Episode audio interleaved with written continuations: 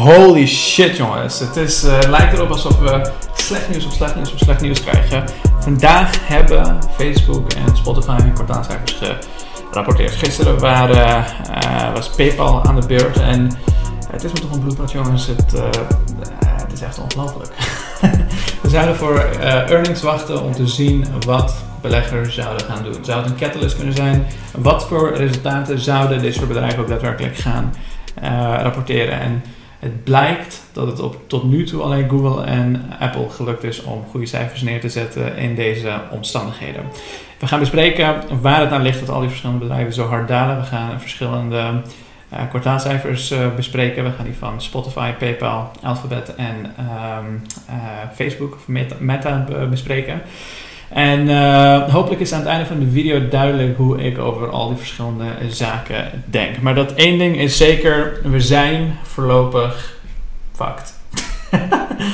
um, kijk, ik, ik, kreeg laatst, uh, had ik een video gemaakt over dat ik denk dat er nog geen bodemvorming is. Ik denk dat wat we uh, zagen vorige week, of voor, voor een paar dagen met het feit dat al die aandelen omhoog gingen dat het eigenlijk een beetje op een short squeeze lijkt. Dat heel veel mensen een beetje tevreden zijn over ja, wat heeft Apple en Google hebben, uh, wat hebben die twee gerapporteerd.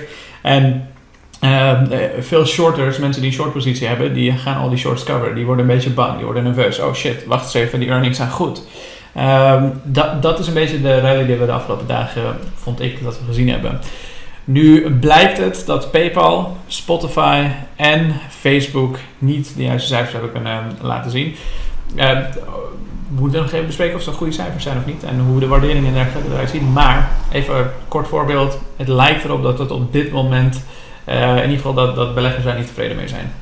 Um, en dat zorgt er dus ook voor dat die rally die je laatst zag van de shorters, dat die uh, toch een stukje achteruit gaat. Dus als je nu kijkt naar de nabeurs, het is allemaal nabeurs. PayPal 26% in de min.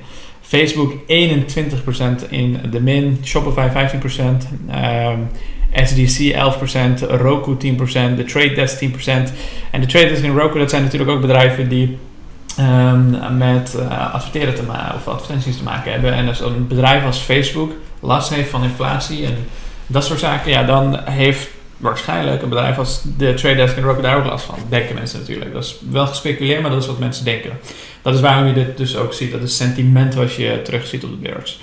En uh, hetzelfde geldt voor Shopify. Shopify verdient een heel groot gedeelte van hun geld via hun payment systemen. En hun payment systemen uh, lijken onder de daling van PayPal te leiden. Omdat mensen denken van, oh wacht eens even, als PayPal hier nu aan het hikken is dan zal Shopify waarschijnlijk ook uh, hikken. Maar goed, laten we even kijken naar de verschillende kwartaalcijfers. Laten we onze eigen conclusies uh, trekken op basis van wat we zien. Um, ik ga even kort de kwartaalcijfers met je doornemen en ik ga je de waarderingen qua price to sales ratios en price to earnings ratios met je bespreken. Om een beeld te krijgen bij waar deze bedrijven nu op dit moment zijn. Ik denk dat je sowieso tot ergens met juni, juli, misschien ietsjes meer uh, gewoon ontzettend slecht sentiment gaat hebben. Dat is mijn eigen persoonlijke mening, want ik denk dat tot die tijd inflatiezorgen hoog zullen zijn. Ik denk dat we maandelijks de Fed, de Federal Reserve gaan uh, blijven volgen en bekijken wat ze daadwerkelijk allemaal aan het doen zijn met inflatie. En um, uh, er zal gewoon slecht sentiment zijn. Veel traders en dergelijke die houden zichzelf buiten de markt. Veel geld zal er weggaan. Heel veel beginners die afgelopen jaren zijn ingestapt wegens de COVID-pandemie, van alles nog wat lagere rentes enzovoorts. Uh, die zullen waarschijnlijk een pas op de plaats nemen. Ik denk dat we heel veel lucht, heel veel uh, ja, uh, overwaardering uit verschillende bedrijven gaan krijgen de komende maanden. En dat is niet erg. Ik doe daar niks mee. Ik koop gewoon simpelweg bij op dat soort momenten. Want dat is naar mijn mening een gezonde markt. Als we nu nog 40% hoger zaten, dan moet je je echt serieus gaan afvragen of het nog wel eh, gezond is. Ik denk dat dit soort correcties zijn niet normaal. Een bedrijf als Facebook, een bedrijf als um, uh, PayPal, een bedrijf als Shopify. Dat zijn geen bedrijven die in, uh, ja, Shopify misschien wel maar bedrijven zoals Facebook, uh, die echt giga, mega cap zijn. Netflix is ook 26% gezakt. Noem ze maar op. Dat zijn geen bedrijven die 26% op een dag dalen. Nou, als dat wel gebeurt, 9 van de 10 keer, uh, keer, als je historisch gezien kijkt, zijn het allemaal koopmomenten geweest. Maar goed, laten we kijken wat die waarderingen daadwerkelijk zijn. Laten we als allereerst beginnen met PayPal. PayPal reported mixed Q4 2021 earnings Tuesday and provided guidance for the next quarter that fell short of analyst estimates. The company expects Q1 non-GAAP earnings of 81 cents per share, short of 1.16 analysts anticipated. 30%, meer dan 30% zelfs uh, minder uh, earnings per share, oftewel winst per aandeel, wordt er verwacht door uh, PayPal dan analisten hadden verwacht. En als je 30% minder winst gaat maken, ja, dan krijg je een klap. Dan krijg je een hele flinke klap. En daar hebben ze ook daadwerkelijk gekregen. Initieel ging ze met 17% omlaag, inmiddels 26%. Um, earnings per share was ook minder dan verwacht, 1.11 in plaats van 1.12. Revenue 6.92 en 6.87. Als we kijken naar hun, um, uh, hun, hun, hun, uh, ja, investor relations pagina, ze hebben een uh, earnings release daar ook gedaan. Zij denken er niks aan de hand, maar er is wel degelijk wat aan de hand. Kijk, wat, Waar PayPal op dit moment mee dealt, en de reden dat ik het weet is omdat ik daadwerkelijk uh, een tijd lang onderzoek heb gedaan naar PayPal. Ik heb het uiteindelijk niet gekocht, dus hij zit niet in mijn portefeuille. Maar staat wel in mijn watchlist en heeft heel lang ook al in mijn watchlist gezeten. Maar de reden dat ik het niet kocht is omdat ik denk dat de competitieve positie van PayPal niet zo sterk is als dat ik zou willen. Nu is dat natuurlijk niet altijd een dealbreaker. Er ligt, er, ligt natuurlijk aan heel veel andere facetten. Maar in dit geval was het het wel, want je ziet het eigenlijk continu bij heel veel andere verschillende platforms. Bedrijven die op, op een bepaalde manier shopping uh, faciliteren, die hebben vaak hun eigen payment systeem. En daar verdienen ze belachelijk veel geld mee. Bijvoorbeeld Shopify, die verdient vooral geld omdat de gross merchant value, dus doordat mensen die een website uh, of uh, ja, een, webshop aanmaken bij Shopify, die verkopen, laten we zeggen, Pampers dan pakt Shopify daar een percentage van. En dat is wel een beetje wat, je, wat de trend is geworden binnen, binnen, binnen, de fintech-wereld op de, de, afgelopen jaren. En heel veel mensen weten dat niet. Heel veel mensen weten niet dat dat de businessmodel is van een bedrijf als Shopify bijvoorbeeld. Um, daarom wilde PayPal ook een tijdje geleden Pinterest kopen. Want ze waren namelijk hiervoor, werken samen, zaten vast aan een contract. Nou, eBay zat vast aan een contract van vijf jaar met uh, PayPal. En eigenlijk alle transacties gebeurden via eBay. En eBay die heeft in 2018 al laten weten dat ze daar niet meer mee zouden doorgaan. eBay gaat een eigen systeem ontwikkelen. Die gaan dus nu heel veel meer geld en omzet boeken daarmee. Alhoewel hun uh, gross merchant volume uh, gaat flink naar beneden, 16% naar beneden vorig kwartaal. Uh, dus er is van alles nog wat mis met eBay ook. Maar ze proberen daarmee dus meer geld en meer omzet te boeken. En hun financial, financiële situatie te verbeteren. Maar wel ten koste van PayPal. En je ziet ook in hun hele earnings, eigenlijk overal waar je doorheen bladert, zie je revenue of 6.9 billion growing 13%. Excluding eBay, revenue grew 21, 22% on a spot basis. Daarmee zeggen ze eigenlijk Stel dat we nou eBay niet hadden vorig jaar. En we vergelijken het met nu, dan zijn we eigenlijk met 22% gegroeid. Maar omdat eBay weg is gegaan, zijn we met 13% gegroeid om, in plaats van 22%. Nou, daar koop je geen brood mee. um, met, met als koop je, gewoon, nee, koop je geen brood mee. En beleggers die, zien daar, die prikken daar natuurlijk doorheen. Maar ze zeggen wel dat pas vanaf het derde kwartaal dat ze eindelijk niet meer worden uh, uh, ja, ze worden niet meer vergeleken met eBay's um, omzet die in hun omzet uh, zat. Dus heel uh, interessant wat er met PayPal uiteindelijk gaat gebeuren. Eén, ehm, ze zijn een heel sterk gedeelte van hun business kwijt. Ze zeggen ook overigens, zelfs met het feit dat we eBay kwijt zijn geraakt, gaan we nog steeds een prima omzet boeken. Waar, we overigens gelijk in hebben. Maar het, het, wordt wel, het, het, wordt wel echt een ja, one-trick pony. Dus echt, PayPal is PayPal dan en niet een e-commerce bedrijf uh, daarnaast waar gewoon ontzettend veel transacties worden gedaan continu waar PayPal van kan profiteren. En Pinterest die wil ze ook niet, uh, uh, die, die, die hebben ze ook niet kunnen kopen. Dus het wordt voor PayPal gewoon een heel lastige marktpositie op dit moment om te concurreren tegen heel veel verschillende partijen. Dus ik persoonlijk zou het niet aandurven. Laten we even kijken naar de waardering van PayPal. Als we kijken naar. Uh, op dus het bedrijf heeft, uh, heet Macro Trends. Daar, daar, kan je verschillende interessante zaken zien. Um, in dit geval laten we even kijken naar de price-to-sales ratios. Dit is de, de, de koers gedeeld door de sales van de afgelopen 12 maanden. En daarmee krijg je een beetje een beeld bij waardering. Dus wat, wat betaal ik ongeveer voor dit aandeel? Je ziet historisch gezien heeft de prijs to sales ratio van PayPal altijd rond en nabij ja, laten we zeggen tussen de 4.4 en ongeveer 8 gezeten. Dus tussen de 4 en de 8, laten we zeggen 6 is een beetje de normale price to sales ratio voor een bedrijf als PayPal. En in tijden waren ze nog echt heel hard groeiden overigens ook nog eens. Uh, op dit moment zitten ze op 8. Dus de vraag is op basis van price to sales ratio of ze überhaupt nog uh, ja, uh, ondergewaardeerd zijn. Ik denk het persoonlijk niet. Ik denk dat er nog wel heel veel ruimte is voor ze op te dalen, puur op basis van price to sales ratio. Nogmaals, neem het met een call zout. Het is niet um, 100% hoe ik mijn waarderingen doe, maar is even een gedeelte om je snel een beeld te kunnen geven bij een waardering van een bedrijf X. In dit geval PayPal. Laten we even kijken naar de price to earnings ratios. Dus de koers-winstverhouding. Het ligt altijd tussen de 32 in de, nou, laten we zeggen, laten we dit, deze periode niet meerekenen. Binnen COVID is alles natuurlijk gigantisch gestegen, maar tussen de 36 en laten we zeggen 56 ongeveer. Dus laten we zeggen, uh, natte vingerwerk, uh, 47. 47 is de price to sales ratio of price earnings ratio.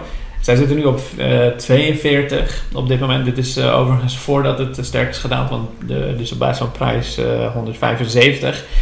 Dus op basis van price to earnings ratio zou je kunnen zeggen, ze zijn gemiddeld gewaardeerd. Maar, let wel op, ze hebben aangegeven dat ze volgend jaar, of dit jaar, 30% minder winst gaan maken waarschijnlijk dan analisten hadden verwacht. En ja, als je en minder groeit en minder winst gaat maken, ik ben benieuwd of mensen bereid zijn om een hoge PE-ratio voor een bedrijf um, zoals PayPal nu te betalen. Plus het feit dat de winst uh, afneemt, of in ieder geval minder sterk groeit dan analisten verwachten, zorgt er dus ook voor dat die price-earnings ratio nog meer onder druk uh, komt te staan. Dat die waarschijnlijk uh, niet meer gaat dalen doordat de winst omhoog is gegaan of zo. Laat ik het zo zeggen. Want dat is wat je hier wil zien bij een groeiaandelen dat, de price, dat al die ratios naar beneden gaan hoe meer het bedrijf groeit in omzet en in winsten. En in dit geval ook hier gemiddeld tot slecht qua waardering. Dus I don't know jongens, ik, uh, ik durf hem persoonlijk niet aan, maar wat jij doet moet je natuurlijk zelf weten. Laten we het hebben over Alphabet. Uh, Google heeft gigantische cijfers neergezet. Ja, dat is echt 31 per aandeel gewoon bijna, bijna 31 dollar per aandeel aan uh, winst. Uh, tegenover 27% verwacht, dus 10% meer dan, ongeveer 10% meer dan verwacht. 75 miljard omzet in een kwartaal. Laat het even bezinken, 75 miljard omzet. Um, ja, dit, dit zijn gigantische cloud revenue. Uh, 5,5 tegenover 5,47. Uh, traffic, traffic acquisition cost 13,43 tegenover 12,84. Ja, wat moeten we ervan maken, jongens? Ze worden er ook goed voor beland. Uh, het ging initieel zo'n 10% omhoog, maar met uh, de cijfers van uh, Facebook en dergelijke zijn ze toch wel na beurs redelijk wat gezakt. Als je kijkt naar Google, waar zij dus nu ongeveer op staan. Laten we even kijken. Mm, nou goed, ik, ik, geloof dat ze ongeveer zo'n 2%, uh, 2-3% zijn gezakt op de nabeurs. Dat komt doordat de cijfers van Facebook dus slecht waren. En uh, Facebook trekt daarmee dus heel veel verschillende bedrijven naar beneden. En uh, bij Google hoeven we denk ik niet al te lang stil te zijn. We kunnen wel even kijken naar de waardering. Laten we even kijken naar de uh, price to earnings ratio van Google. Google is op dit moment op een van de laagste waarderingen ooit. Ze zijn altijd tussen de 25 en ongeveer 30 hebben ze gezeten. Soms ja, eh, ze hebben eigenlijk niet vaak onder 26% gezeten. Alleen in 2019, we die privacy uh, gedoe, uh, hier hebben ze een tijdje minder winst gemaakt. Ik weet niet precies, uh, ik weet niet precies wat er aan de hand was op dat moment, maar ze hebben wat minder. Oh, ze hadden een belachelijk hoge boete gekregen door de Europese Unie. Dat was het. Ze hebben hier wat boete gekregen, dus die, ja, dit kan je in principe dus in one-time uh, only dingetje. Um, 21. Ze zijn eigenlijk gemiddeld gewaardeerd tot, je zou kunnen zeggen, gezien de groei, eigenlijk heel laag gewaardeerd qua price-to-earnings ratio. Laten we kijken naar waar ze zijn qua price-to-sales ratio. De gemiddelde van Google zelf uh, ligt altijd rond de, tussen de 5 En laten we zeggen de 7. En op dit moment zitten ze op 8. Dus je zou je eigen conclusies kunnen trekken van hoe ze qua price-to-sales ratio gewaardeerd zijn. Tegelijkertijd voor een bedrijf die nog steeds met gigantische cijfers uh, groeit, zelfs met deze grootte. 33% groeit in, uh, in omzet. Dus uh, alleen al aan hun advertising revenue. Ja, weet je, daar zijn mensen ook bereid om hogere um, ja, ratios, als het ware, verhoudingen voor te betalen. Laten we kijken naar Facebook. Facebook shares plunge more than 20% on weak earnings and big forecast. Trouwens, ik zat hier te kijken naar de net income van Google. Je ziet het hier, dit alfabet. Van 6,8 miljard naar 18 miljard. Dus bijna een verdrievoudiging in hun net income, oftewel netto winst. Gigantische cijfers voor Google. Uh, ik, ik heb ze een tijd geleden ook voor de earnings overigens besproken. En dan zei ik, ik zou ze bereid zijn om te kopen. En uh, ik ga niet zeggen hoe ik het gedaan heb, maar echt, wauw, wat een bedrijf.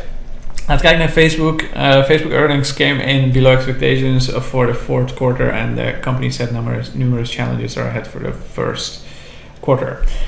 Laten we even gewoon duiken op wat Facebook zelf heeft uh, gerapporteerd. De uh, cijfers van Facebook liegen er niet om. Daily active users 8% omhoog. Family monthly active users naar 3,5 miljard mensen 9% omhoog. Facebook monthly active users 4% omhoog naar 2,9 miljard. Dus ze, ze zitten in een fase waarin ze eigenlijk waar het heel lastig is om nog te blijven groeien. Als je echt letterlijk heel de wereld op Facebook hebt, ja, dan wordt het heel lastig om uh, nog te groeien. De vraag is wanneer keert dit om? Wanneer gaan ze naar krimp? Qua aantal dagelijkse gebruikers en dergelijke. Dat is wel een zorgelijk moment voor uh, Facebook, kan ik je vertellen. Want uh, dan uh, wordt je bedrijf zoals Verizon, die in principe alle telefoonabonnementen zijn in principe op een gegeven moment verkocht en iemand bezit ze. En dan kan je een dividendaandeel worden en dividend uitkeren op basis van de winst die je dan daarna maakt. We have repurchased 19 billion and 48, uh, 44.8 billion of our class A common stock. Dus zij hebben heel veel aandelen teruggekocht. Uh, omzet. Ze hebben, dit is maandelijks zie ik. Kijken of, of ze jaarlijks hebben. Ja, hier. Uh, 2021 1,17 miljard year on year tegenover 85 toen 37% stijging. Ontiegelijk hard gegroeid. De income from operations 12,58 miljard. Net income 10 miljard tegenover 11 miljard vorig jaar. Dat is een stijging van, dus een daling van 8% tegenover vorig jaar. Uh, net income is wel op jaarbasis hard gestegen. 39 miljard tegenover 29 miljard. Dus op zich geen slechte cijfers. Maar ik vind niet dat Facebook een hele slechte cijfers heeft. Uh, ik ben... Ja... Ik ben wel verbaasd dat het zo hard uh, daalt, Facebook, moet ik zeggen. We expect first quarter total revenue to be 20, 27 to 29, which represents 3 to 11% year-over-year growth. Dat is een van de redenen waarom het wel zorgelijk is. Dus dat uh, van, 35, van, van 37% die ze vorig jaar zijn gegroeid, zeggen ze nu eigenlijk volgend jaar. Nou, in ieder geval eerste, het eerste kwartaal van volgend jaar gaan ze rond de 3 tot 11% uh, groeien in omzet. We expect our year-over-year -year growth in the first quarter to be impacted by headwinds and impressions in price growth. Wow. Dit, dit moet je even horen. Want dit, dit is wel, dit is eventjes belangrijk. Want in plaats van dat je de gewone, laat zeggen, vorig jaar zijn ze 37% gegroeid. Um, en nu zeg je in het eerste kwartaal gaan we 3 tot 11% groeien. Dat betekent dus dat je de rest van het jaar eigenlijk veel meer gaan moeten gaan groeien om die uh, op zijn minst richting de 37% of 30% te gaan groeien. Want als je het eerste kwartaal maar 3 tot 11% groeit, dan moet je volgend kwartaal 50 of 60% groeien bij wijze van spreken om gemiddeld rond de 30% te zitten. Even gechargeerd, maar je snapt wat ik bedoel. Dus dat is zorgelijk. En de redenen die ze aangeven zijn misschien nog wel zorgelijker. En dat zorgt ervoor dus dat al die verschillende aandelen met Facebook meezakken. Zeker bedrijven zoals de Trade Desk en Roku, die gewoon echt van advertenties uh, afhankelijk zijn. On the impression side, we expect continued headwinds from both increased competition for people's time and a shift engagement within our apps towards video servers like Reels, which monetize at lower rates and feeds and stories. Zeggen, er is meer competitie voor mensen hun tijd en aandacht aandacht is wat je nodig hebt om uh, advertenties te kunnen verkopen. En dat is waarom, nu al die verschillende influencers een tijdje geleden allemaal idiote aandelen aan het promoten waren. Die, die krijgen daarmee aandacht. en dan verkopen ze de Giro bijvoorbeeld. Maar in hun geval zeggen ze hiermee competition met people's time. En daar bedoelen ze niet mee competitie van andere social media platformen. Daarmee bedoelen ze mensen gaan straks niet meer alleen thuis zitten. Uit die lockdown en andere plekken hun tijd besteden. Dat zou ook iets goed kunnen betekenen voor Facebook, maar daar gaan we later over hebben. Daarna zeggen ze Reels. Dat is uh, iets wat ze hebben gebouwd om met TikTok te kunnen concurreren als je op Instagram zit. Die uh, zorgt ervoor dat, de, dat daar vooral heel veel engagement plaatsvindt in plaats van de normale plekken waar je op Instagram zou zitten. En uh, dat zorgt er weer voor dat ze minder geld binnenhalen, omdat de, ze Reels op dit moment niet monetizen. Er zit geen advertentiemodel achter Reels nog. Dat hebben ze puur snel gebouwd voor engagement en om te kunnen concurreren met TikTok, maar dat heeft dus wel hun eigen omzet gecannibaliseerd. Um, on pricing side, we expect growth to be negatively impacted by a few factors. First, we lap a period in which Apple iOS were not infected. Hier hebben ze het over de iOS changes. Dat hebben we afgelopen kwartalen ook gezien. Um, second, we will lap a period of... Uh, uh, dit gaat geen probleem zijn voor uh, de trade desk overigens. Maar second, we will lap a period of strong demand the prior year. And we're hearing from advertisers that macroeconomic challenges like cost inflation and supply chain disruptions are impacting advertiser budgets. Zij zeggen dat die toeleveringsketen, die kwetsbare toeleveringsketen uh, en inflatie ervoor zorgen dat mensen minder geld hebben. Dat is iets wat je liter op macro-economisch niveau niet wil zien.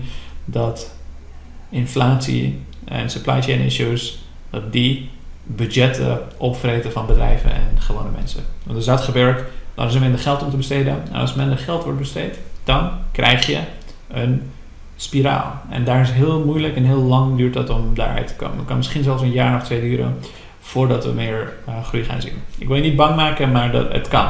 Die mogelijkheid bestaat altijd. Ik zeg niet dat het gaat gebeuren, maar kan.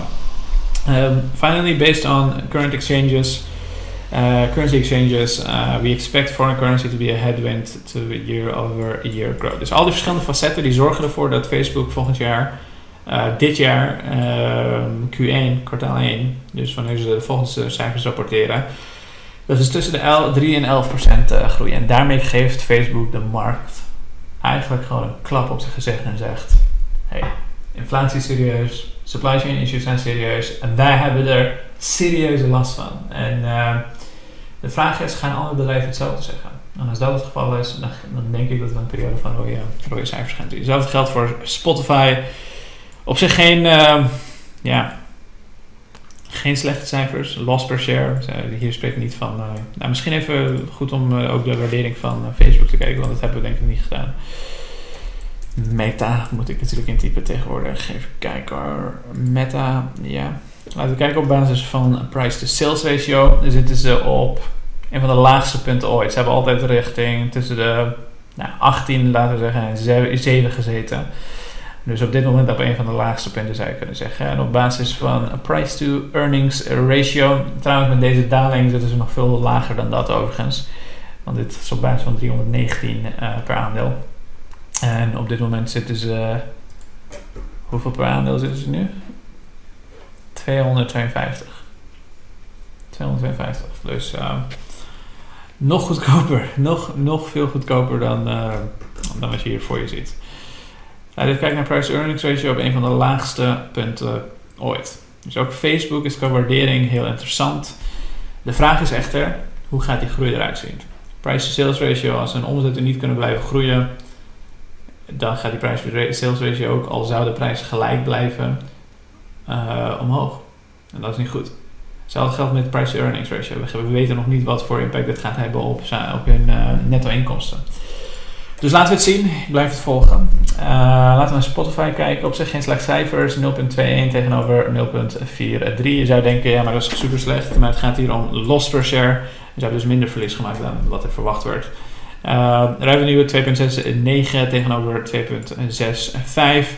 Ik wil eigenlijk niet te lang stilstaan bij uh, Spotify, want ik vind ze uh, niet heel significant eigenlijk voor de markt. Maar ze hebben gewoon niet goed genoeg gepresteerd. Ze hebben verschillende challenges waar zij ook mee zitten.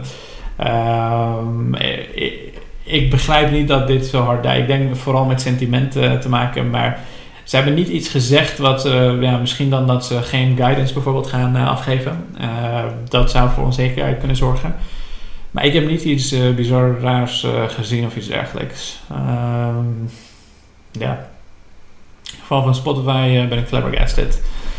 Maar over het ja, dat is een beetje wat er vandaag gaande is, jongens. Ik hou je up-to-date morgen. En ik hoop dat je het een fijne aflevering vindt. En Zorg even dat je hieronder abonneert. En als je het uh, leuk vindt om van mij te leren hoe ik zelf naar deze bedrijven kijk, hoe je de jaarverslagen leest en hoe je bedrijven waardeert en dergelijke, zoals ik dat zelf doe. En zorg ook dat je even lid wordt van de community. En als je de code hieronder gebruikt, dan krijg je ook een mooie korting. En daarmee, hele fijne avond.